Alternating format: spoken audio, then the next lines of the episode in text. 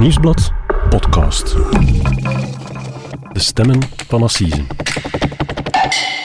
Hallo, ik ben Pieter Huibrichs, misdaadreporter bij het Nieuwsblad. En ik ben Cedric Lagast, journalist bij diezelfde krant. En dit is onze podcast Stemmen van Assise, waarbij we voor elk belangrijk proces in een zaak duiken en u meenemen achter de schermen van de rechtszaal. En dit keer hebben we het over een strafpleiter die straks voor de honderdste keer de assisezaal binnenwandelt. Advocaat Jan de Man.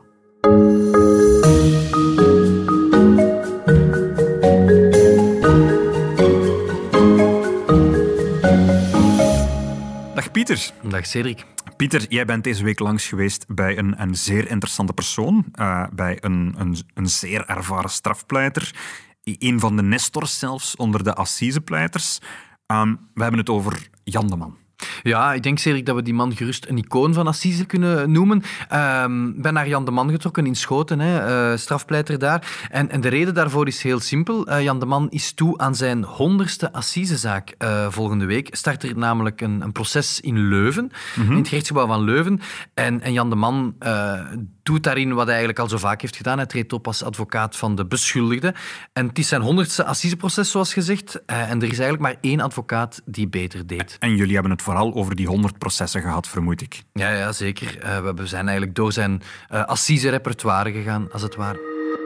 Bijvoorbeeld de, de zaak uh, in 1990, Kronengold, die is buitengekomen, denk ik, met, met vijf of zes jaar. Dat vond ik al een de facto vrijspraak. Hier, Tseyen, die is vrijgesproken in 1993. Uh, Rosette Vaas, die is buitengekomen op een, die is ver, vervolgd, vermoord, maar daar heb ik een uitlokking gekregen. Die is buitengekomen met vijf jaar. Um, Cedric, we horen hier Jan de Man die door, door papieren uh, gaat met mij. Hij had voor mij een, een, een, lijst gemaakt van die 99 zaken die, waarin hij dus al gepleit heeft. Want u moet weten, Cedric, zijn eerste assisezaak 1985. Intussen zijn we 36 jaar later. Dus dat is wel wat natuurlijk. Hè. Maar hij is er natuurlijk nog niet. Hij zit nu aan, aan 99, die laatste kaap, nummertje 100. En die moet nog genomen worden. Dat proces dat begint uh, volgende week uh, dinsdag, als ik het goed voor heb. Mm -hmm. uh, en dat belooft geen gemakkelijk proces te worden.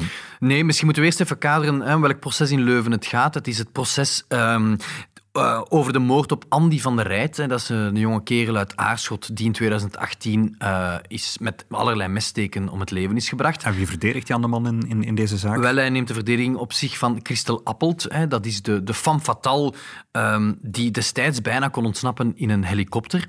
En zij zou de moord gepleegd hebben uh, met haar ex-liefje. Wij hebben al eens een podcast over dat dossier gemaakt, begin dit jaar. Mm -hmm. um, want er, het is eigenlijk al voor de tweede keer dat die zaak voor Assise komt. Wat ook zeer uitzonderlijk is. Ja, en dat is de verdienste, of ondanks uh, Jan de Man geweest. Want Jan de Man heeft voor, het, voor de eerste keer in zijn carrière eigenlijk een Assise-voorzitter gevraagd uh, destijds. We gaan er verder in de podcast uh, verder op in. Mm -hmm. um, waardoor eigenlijk heel dat Assise-proces opnieuw moet gevoerd worden.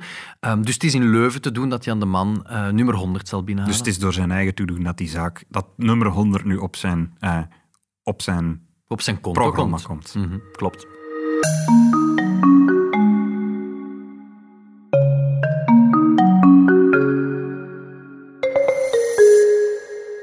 Pieter, advocaat Jan de Man dus. Um, van welke processen moeten wij hem kennen? Ja, dus van heel veel processen, hè, want hij zit aan nummer 100. Um, de bekendste recente zaken zijn die van Tijl Tekmans bijvoorbeeld. De man die, uh, de garageverkoper die Brita Kloetes om het leven heeft gebracht op de A12 in ja. Wilrijk. Mm -hmm. um, Jan de Man was ook de advocaat van Karel de Schutter in de befaamde...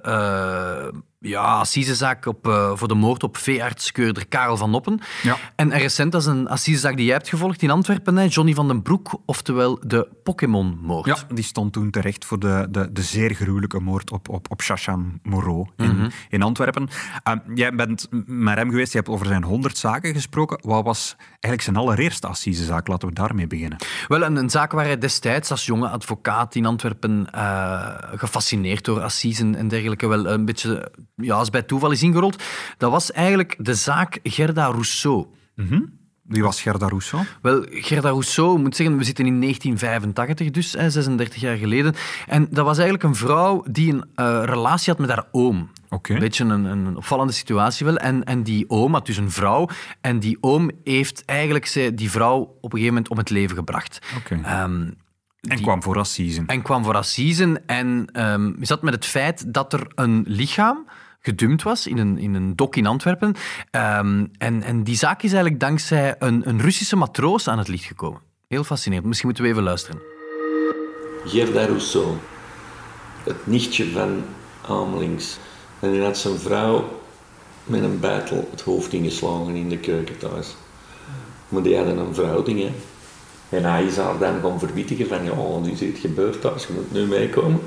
En zij heeft een lijk dat mij ingepakt en dan ze dat gaan dumpen in het Delwededok, hè. En dan denk ik, van, we zijn er vanaf. Tot op een gegeven ogenblik dat er een, grote olietanker binnenkomt.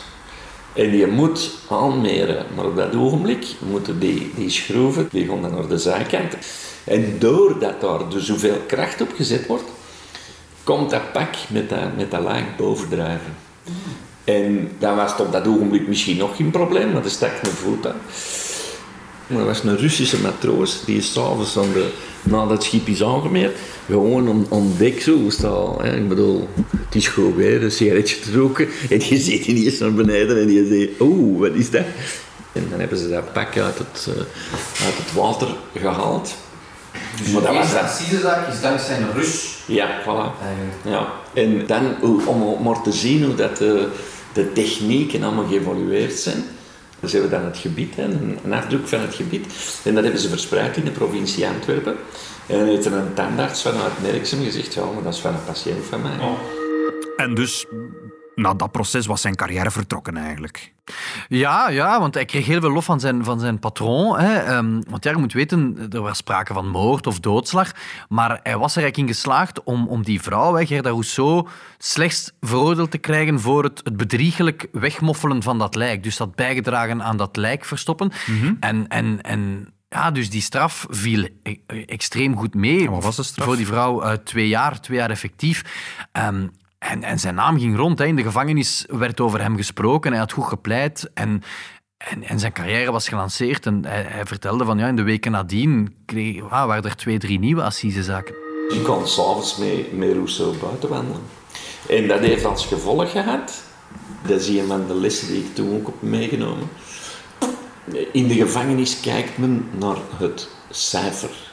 Hè? Weet je? Ik bedoel, jij moogt nog de grootste juridische overwinning hebben geboekt op Hof van Assise om een jury te overtuigen van te zakken naar, naar een voorbedachte te laten vallen of de kwalificatie te laten veranderen. Maar als dat niet meevalt qua cijfers, daar klappen ze niet over op al, over al die juridische overwinningen. Dat is, het beste bewijs is, na die, na die zaak Rousseau, binnen de twee weken had ik drie nieuwe assisezaken binnen.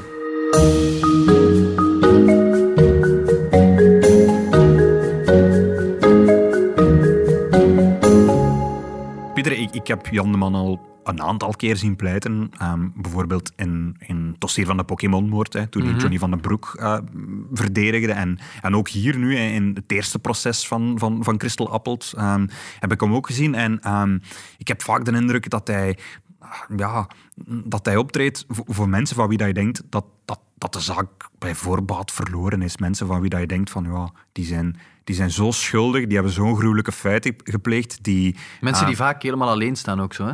ja, mensen waarvan dat je denkt, die gaan zo hard gestraft worden. Maar, maar dan slaagt hij er altijd in om, om, ehm, ja, om, om toch een beetje aan te tonen dat dat ook mensen zijn. Om ook het menselijke aspect van, van de dader boven te halen. Mhm. Daar graaft hij vaak naar, hè? naar dat menselijke achter de, de Voilà. Bijvoorbeeld bij Johnny van den Broek heeft hij heel omstandig uitgelegd dat, dat, dat Johnny van den Broek een, een heel slechte jeugd heeft gehad en dat dat natuurlijk ehm, ook ja, gevolgen heeft gehad voor, voor de daden dat hij daarna gepleegd heeft.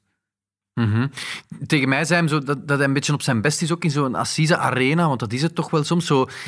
a- Als hij alleen tegen de rest pleit, zo. Hè. Alles is slecht en iedereen kijkt naar hem en, en de burgerlijke partijen spuwen hem uit, en zeker de beschuldigden. En, en dan is zijn moment zo. Hij probeert dan kalm te blijven, niet te bombastisch, niet te theatraal, en dan eigenlijk gewoon dat menselijke inderdaad te gaan opzoeken van die beschuldigden. Ik, ik kan me ook niet herinneren dat hij ooit voor een burgerlijke partij een assisezaak gedaan heeft. Het is altijd voor, voor de verdachte. Wel, ik heb het hem gevraagd. Ik zeg, ja, meester, we zitten nu aan, aan nummer 100. Ja, ga eens door die lijst opnieuw en kijk eens van hoeveel burgerlijke partijen eh, heb je verdedigd. En eh, dat zijn er, eh, ik denk dat hij zat aan 77 keer de beschuldigde en 22 keer een burgerlijke partij. Dus ja, zijn focus ligt wel op daders. En dat, dat fascineert hem meer, dat gegeven ook in, in die assise-arena van dat één tegen alle aspect. en wat heeft hij zelf gezegd over, over zijn stijl van pleiten, over hoe dat hij zich voorbereidt, hoe dat hij zich... Ja, eh, hij, hij zei zo met een kwinkslag dat hij veel jonge confraters in het veld ziet die hem een beetje nadoen. En dus hij is wel heel trots op zijn eigen stijl die, die hij ontwikkeld heeft. Maar hij zei mij ook van ja, de Jan de Man van 36 jaar geleden is natuurlijk... Ja, die was totaal anders. Hè. Die, was veel, die pleitte veel langer ehm, en, en veel meer theatraler. Hij zegt van, ik ben eigenlijk wel heel blij over, over hoe dat ik daarin geëvolueerd ben. Het is veel korter, het is, het is kernachtiger, het is minder bombastisch. Ehm, ja, hij heeft daar veel over te zeggen.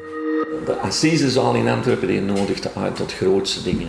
Daarom zeg ik niet altijd lange pleidooien of niet, want ik ben, geen voorstander van lange pleidooien.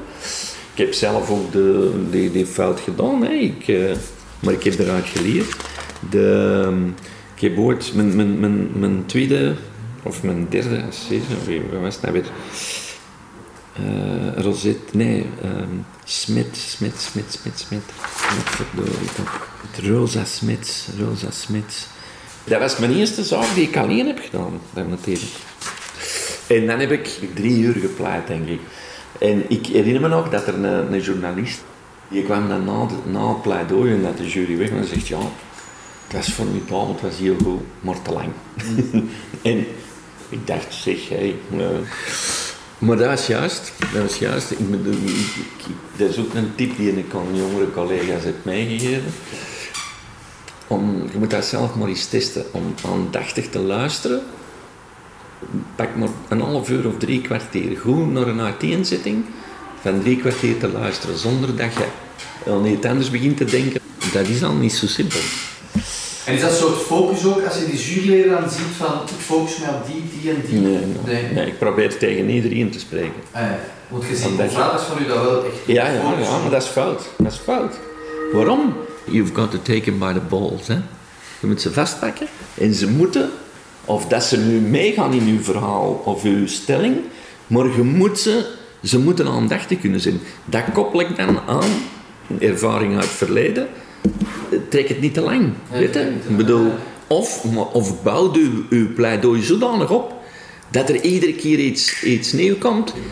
Er zijn bijvoorbeeld collega's die, die, die denken dat ze heel hard moeten spreken of heel hard moeten roepen. Nou, dat is niet juist. Je kunt jij door te fluisteren soms veel meer aandacht krijgen van een jury.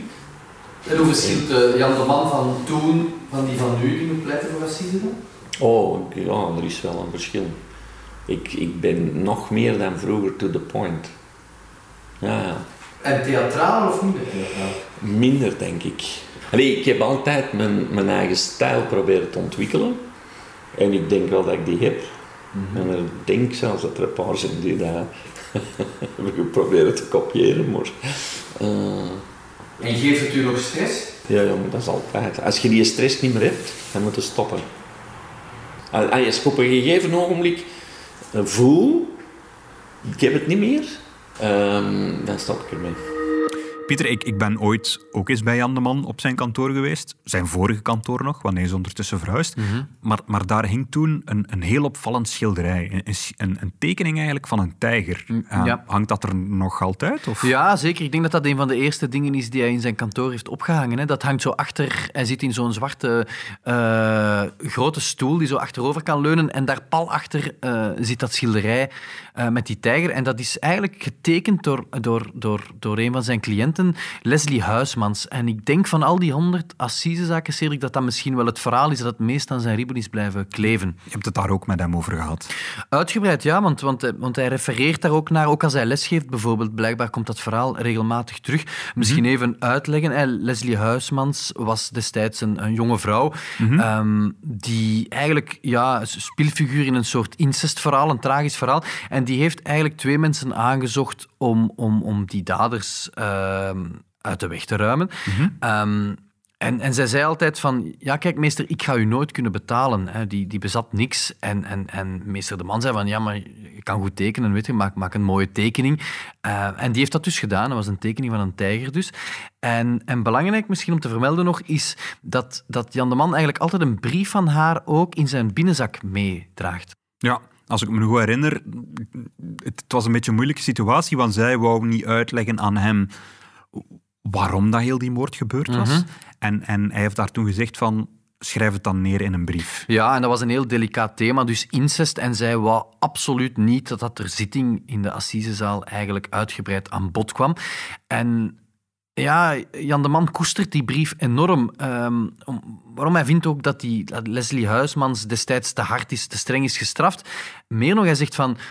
Ja, had ik dat destijds kunnen gebruiken in mijn Want zij wou niet dat dat, dat dat bekend werd gemaakt, dat Nee. dat in de assisezaal werd, werd gepleit door Jan de Man. Inderdaad. En finaal heeft zij een strenge straf gekregen. En zijn stelling is nog altijd vandaag van...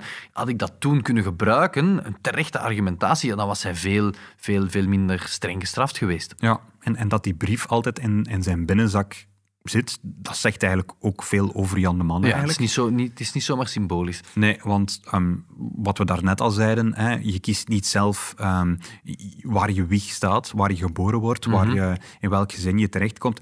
Dat slaat eigenlijk ook een beetje op hem. Ik, ik, ik heb hem ook ooit eens geïnterviewd en hij heeft mij dat toen ehm, verteld. Van, ja, kijk, hij, hij heeft zijn moeder bijna niet gekend. Hij is eigenlijk opgevoed door zijn grootouders. En zijn moeder, dat was eigenlijk een, een, een, een ongewenste tingerzwangerschap. En zijn moeder is eigenlijk ehm, verdwenen toen hij, toen hij tien jaar oud was. Ehm, hij is opgevoed door zijn grootouders. En hij heeft het daar ook heel moeilijk mee gehad. En Ja. dat heeft hem ook een beetje ehm, gevormd als mens, denk ik. En, en, en verklaart misschien ook een beetje waarom dat hij bij al die daders, bij die vele, vele daders die hij de afgelopen 36 jaar heeft verdedigd, waarom dat hij daar toch altijd ook eh, de mens achterin ziet. Waarom dat hij die begrijpt eigenlijk. Waarom en dat en hij waarom dat toch hij, zij ook s'nachts wakker ligt van zulke dossiers. Wij zijn verdedigers. Wat dat niet wil zeggen dat we goed praten met onze cliënt hebben. Want in 80% van de gevallen komt de uitleggen alleen hoe dat iemand zo ver gekomen is om zoiets te doen. En probeer de verzachte omstandigheden mee te geven in de hoop dat dat een, een verschil zal maken in de straf. In veel van die zaken kun je ook alleen kun je rond de ernst van de feiten en, en kun je hopelijk proberen uit te leggen waarom dat iemand in zo'n situatie is terechtgekomen. En als je dat goed kunt, dan haal je ook resultaten.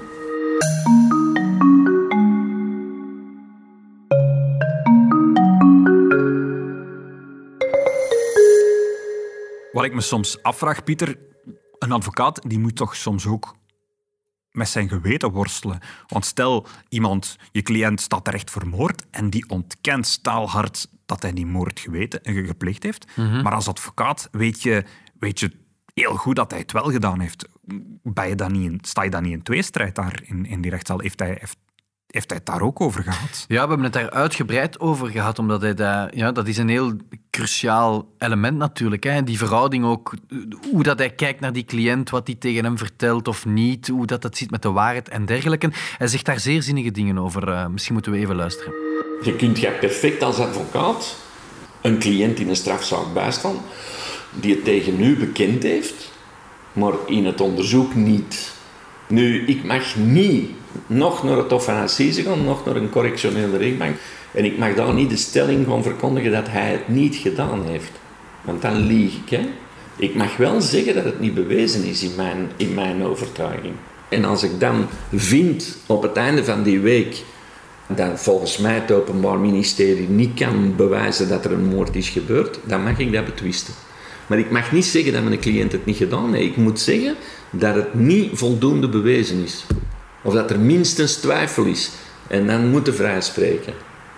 Als een cliënt of een cliënte tegen mij gezegd heeft, ja, ik heb het gedaan. En ik heb het gepland en ik had het al dagen op voorhand gepland. En je moet, u dan gaan, je moet die dan gaan verdedigen voor een moord.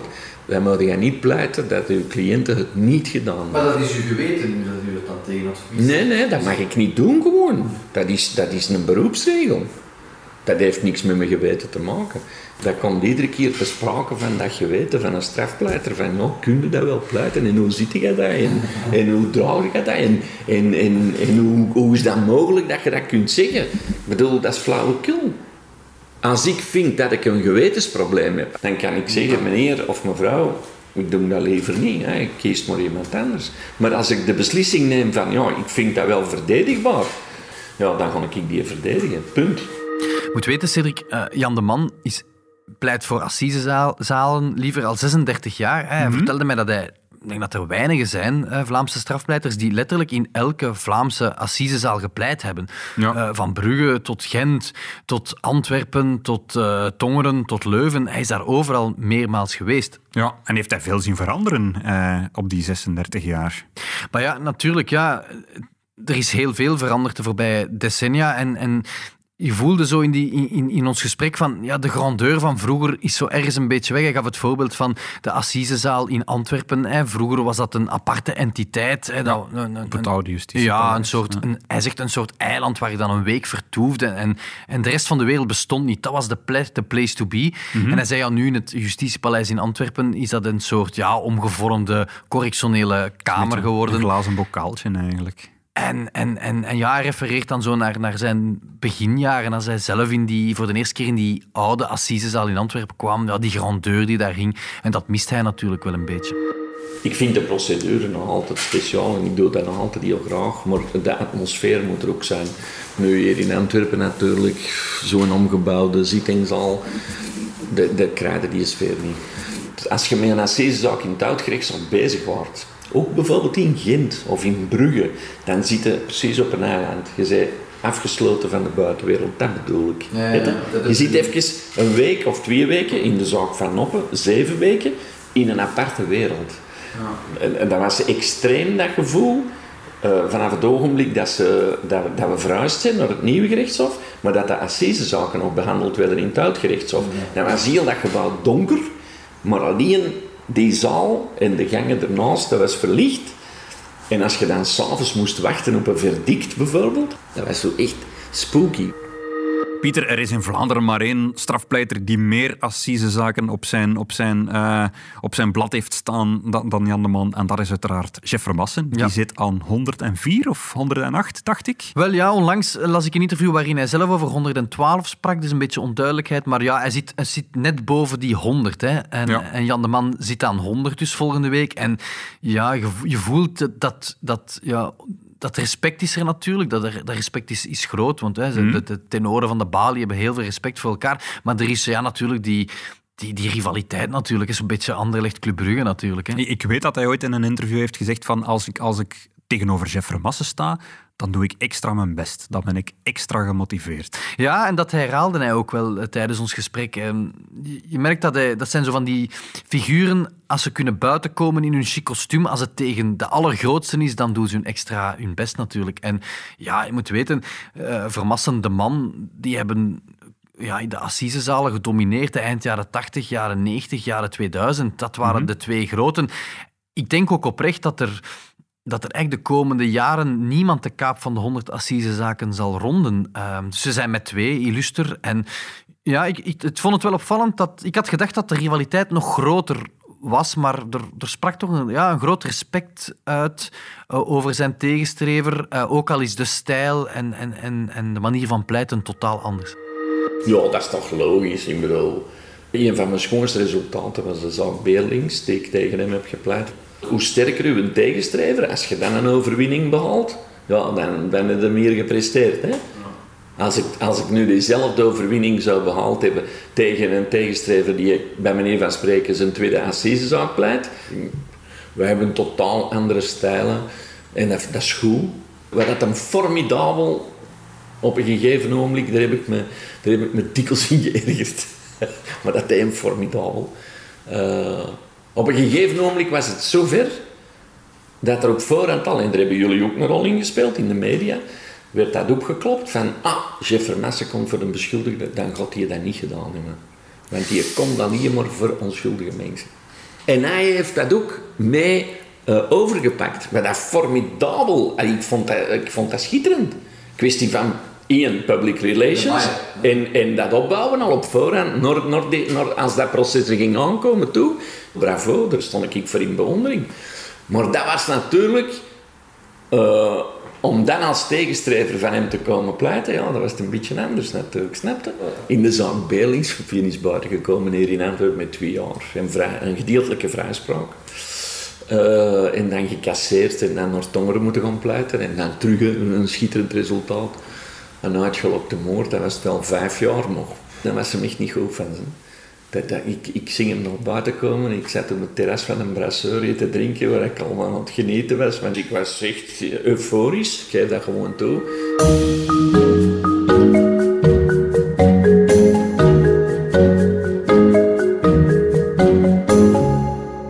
Cedric Jan de Man moet dus volgende week opnieuw eh, naar Leuven en vol een bak opnieuw aan de bak in uh, van Leuven voor zijn honderdste zaak. Hij moet Christel Appelt verdedigen. Daar hadden we het al over. Ja, Voilà, voor de tweede keer al, hè, want dat proces is begin dit jaar al eens uh, voor Assise gekomen. Ik, heb dat toen gevolgd. Uh, dat ging over de moord op Andy van der Rijt. Dat is een, een, een 30-jarige man die uh, in december 2018 op een nacht plots in Aarschot dood op straat wordt aangetroffen. Hij is met 13 messteken neergestoken. Ehm, hij wordt heel snel gevonden door de politie. Dat gebeurt eigenlijk vlak aan een politiekantoor. En de politie kan ook heel snel op aanwijzen van een aantal getuigen twee verdachten oppakken. En dat is dus die Christel Appelt, Mhm. waarvan we het al eh, besproken hebben. En een zekere Bjorn de Kant. En dat was ehm, eh, een ex-vriend eigenlijk van, eh, van, van. Oké, misschien moet je nog eens uitleggen waarom die moord eigenlijk gepleegd is. Wel, waarom die moord gepleegd is, dat is heel lang onduidelijk geweest. En eigenlijk pas op haar proces, op haar assiseproces begin dit jaar, heeft ze daar een beetje een, een warrige uitleg over gegeven. Ze was eigenlijk op het moment van de moord samen met Andy van der Rijt. Ze waren een koppel, ze woonden ook samen. En eigenlijk op het eerste zicht ehm, ging alles goed op dat moment eh, tussen die twee. Want ze waren die ochtend, de ochtend van de moord, nog samen kussend aan de bushalte gezien. Dus er was niet meteen grote ruzie of zo. Maar ze zouden die dag toch via sms'en toch ruzie gekregen hebben. En de uitleg die ze daar op het proces is over gegeven heeft, is eigenlijk dat Andy van der Rijt had beloofd om het huis schoon te maken. Hij had beloofd om het huis te poetsen. Zij had hem overdag van op haar werk in de boekhandel waar ze werkte gecontacteerd. En hij bleek niet aan het poetsen te zijn. En ze is daar boos over geworden. Er is ruzie ontstaan en hij zou haar op een bepaald moment met de dood bedreigd hebben. En zij is op dat moment gevlucht naar haar ex-vriend Bjorn de Kant. Oké, een vrij banale aanleiding dus. En Mhm. gaf zij tijdens dat eerste proces in Leuven toe dat zij had gestoken? Wel, eigenlijk tijdens het onderzoek niet. De eerste jaren na, na, na, na de moord is ze eigenlijk altijd blijven ontkennen dat ze daar iets mee te maken had. Dat het eigenlijk vooral haar ex-lief Bjorn de Kant was die, eh, die, eh, die het slachtoffer had neergestoken. Maar eh, op het, pras, op het proces liever veranderde dat plots. eh. en dat was ook toen door toedoen van Jan de Man. Hij had namelijk geëist dat zijn cliënten schoon schip zou maken, zoals hij dat dan noemde. Voor Eh, het proces al. wel, ja, aan het begin van het proces eigenlijk had hij, had hij, heeft hij kort het woord genomen en gezegd van ik, ik, mijn cliënten gaat hier schoon schip maken. En eh, in de assisezaal bekennen ze toen plots ja, ik had wel degelijk een mes vast op het moment dat we hem hebben neergestoken. En dat was eigenlijk een vrij pijnlijk moment voor die andere beschuldigde, voor, voor Bjorn de Kant. Want het was, nogal, het was duidelijk dat hij eigenlijk nog altijd heel erg verliefd was op Christel Appelt. En hij had eigenlijk tijdens het hele onderzoek en ook daarvoor nog in de rechtszaal de schuld een beetje op hem willen nemen. Eh, hij had als witte ridder volgehouden dat zij niet gestoken had. En vlak naast hem staat ze eigenlijk recht en zegt ze, ik heb wel gestoken. Ja, maakt hem totaal ongeloofwaardig hij eigenlijk. stond te kijken voor die jury als, als, ja, als een leugenaar eigenlijk. Hè. Mhm. Ik heb destijds uw stukken gelezen, Cedric. Er was nog een derde man in het spel. Het wordt ingewikkeld. Ja, het wordt ingewikkeld. Eh, na die moord is in de gevangenis ehm, verliefd geworden op nog een derde man. Ze is ook getrouwd in de gevangenis. Dat gaat eh, een zekere Mike Gillen, heet die man. Eh, en het is eigenlijk door hem ook dat die zaak eigenlijk heel veel aandacht heeft gekregen. Want Mike Gillen is op een bepaald moment vrijgekomen uit de gevangenis. ehm, was heel erg verliefd op Christel Appelt en heeft met, geprobeerd om met een helikopter haar te bevrijden uit de gevangenis van Berkendaal. Is mislukt. Ehm, dat was niet erg professioneel aangepakt. Hij is daarvoor ook opgepakt en is ondertussen tot vijf jaar cel veroordeeld voor die mislukte ontsnappingspoging.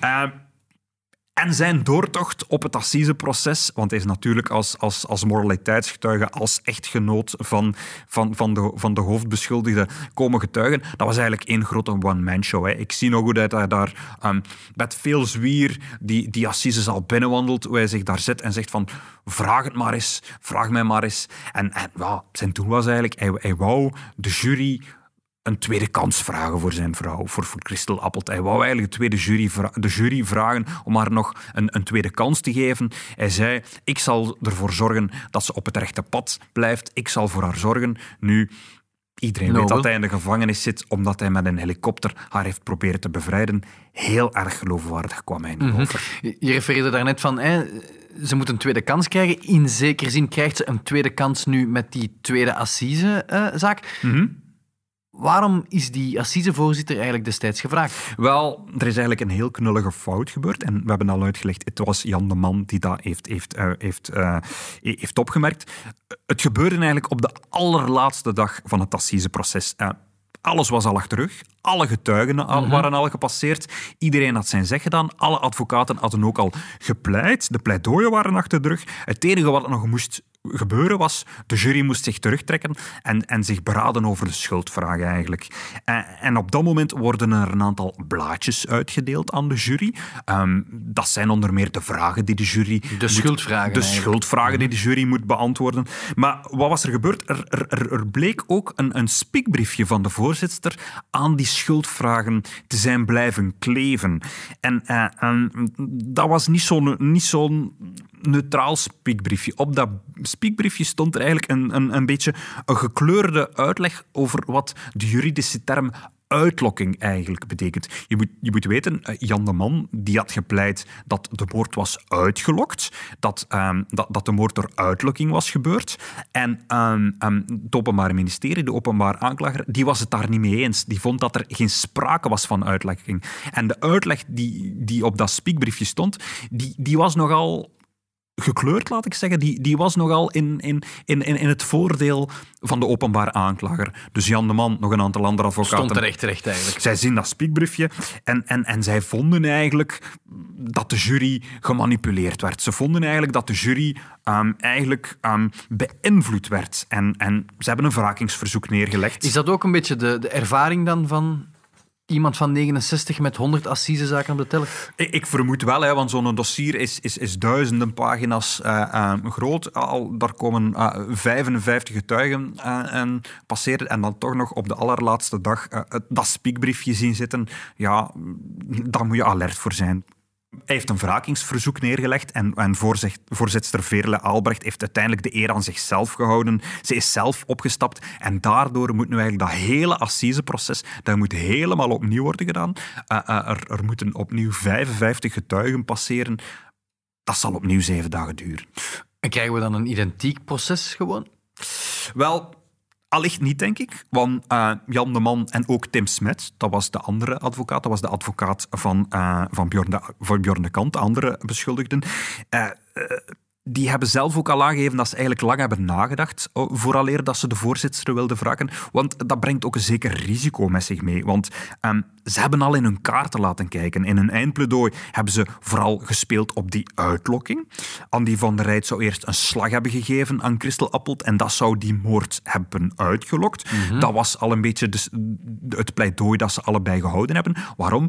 Bij uitlokking is de maximumstraf nog vijf jaar. Dus als de jury ermee instemt dat die moord inderdaad werd uitgelokt, dan riskeren Christel Appelt en Björn de Kant nog maximum vijf jaar. En dat is de troefkaart die, die Jan de Man en co eigenlijk al uit gespeeld hebben. Die ligt al op tafel. De openbare aanklager die heeft dat hele pleidooi nu al eens gehoord. Die weten al welke troefkaart hij straks gaat bovenhalen. En bon, die kunnen daarop inspelen. Hè. Die kunnen zich uh, daar een beetje uh, op voorbereiden. Die kunnen hun pleidooi daarop aanpassen.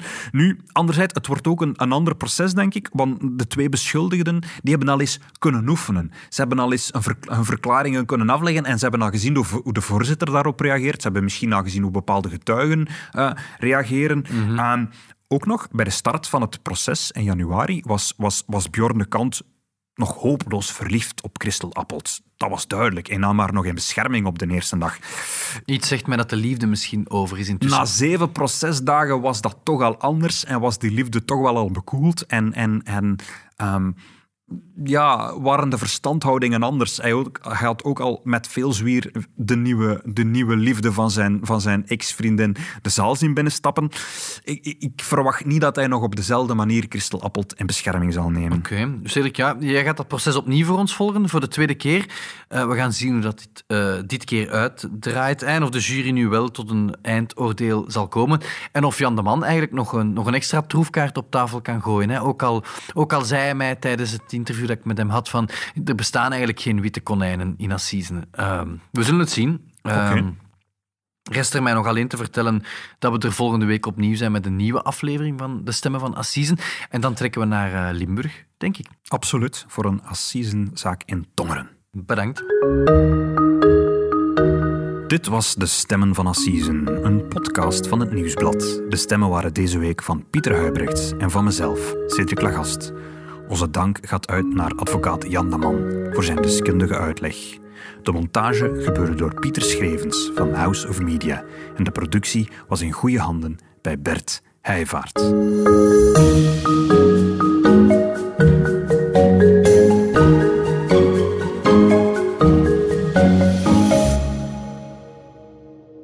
Heb je de andere podcasts van het Nieuwsblad al ontdekt?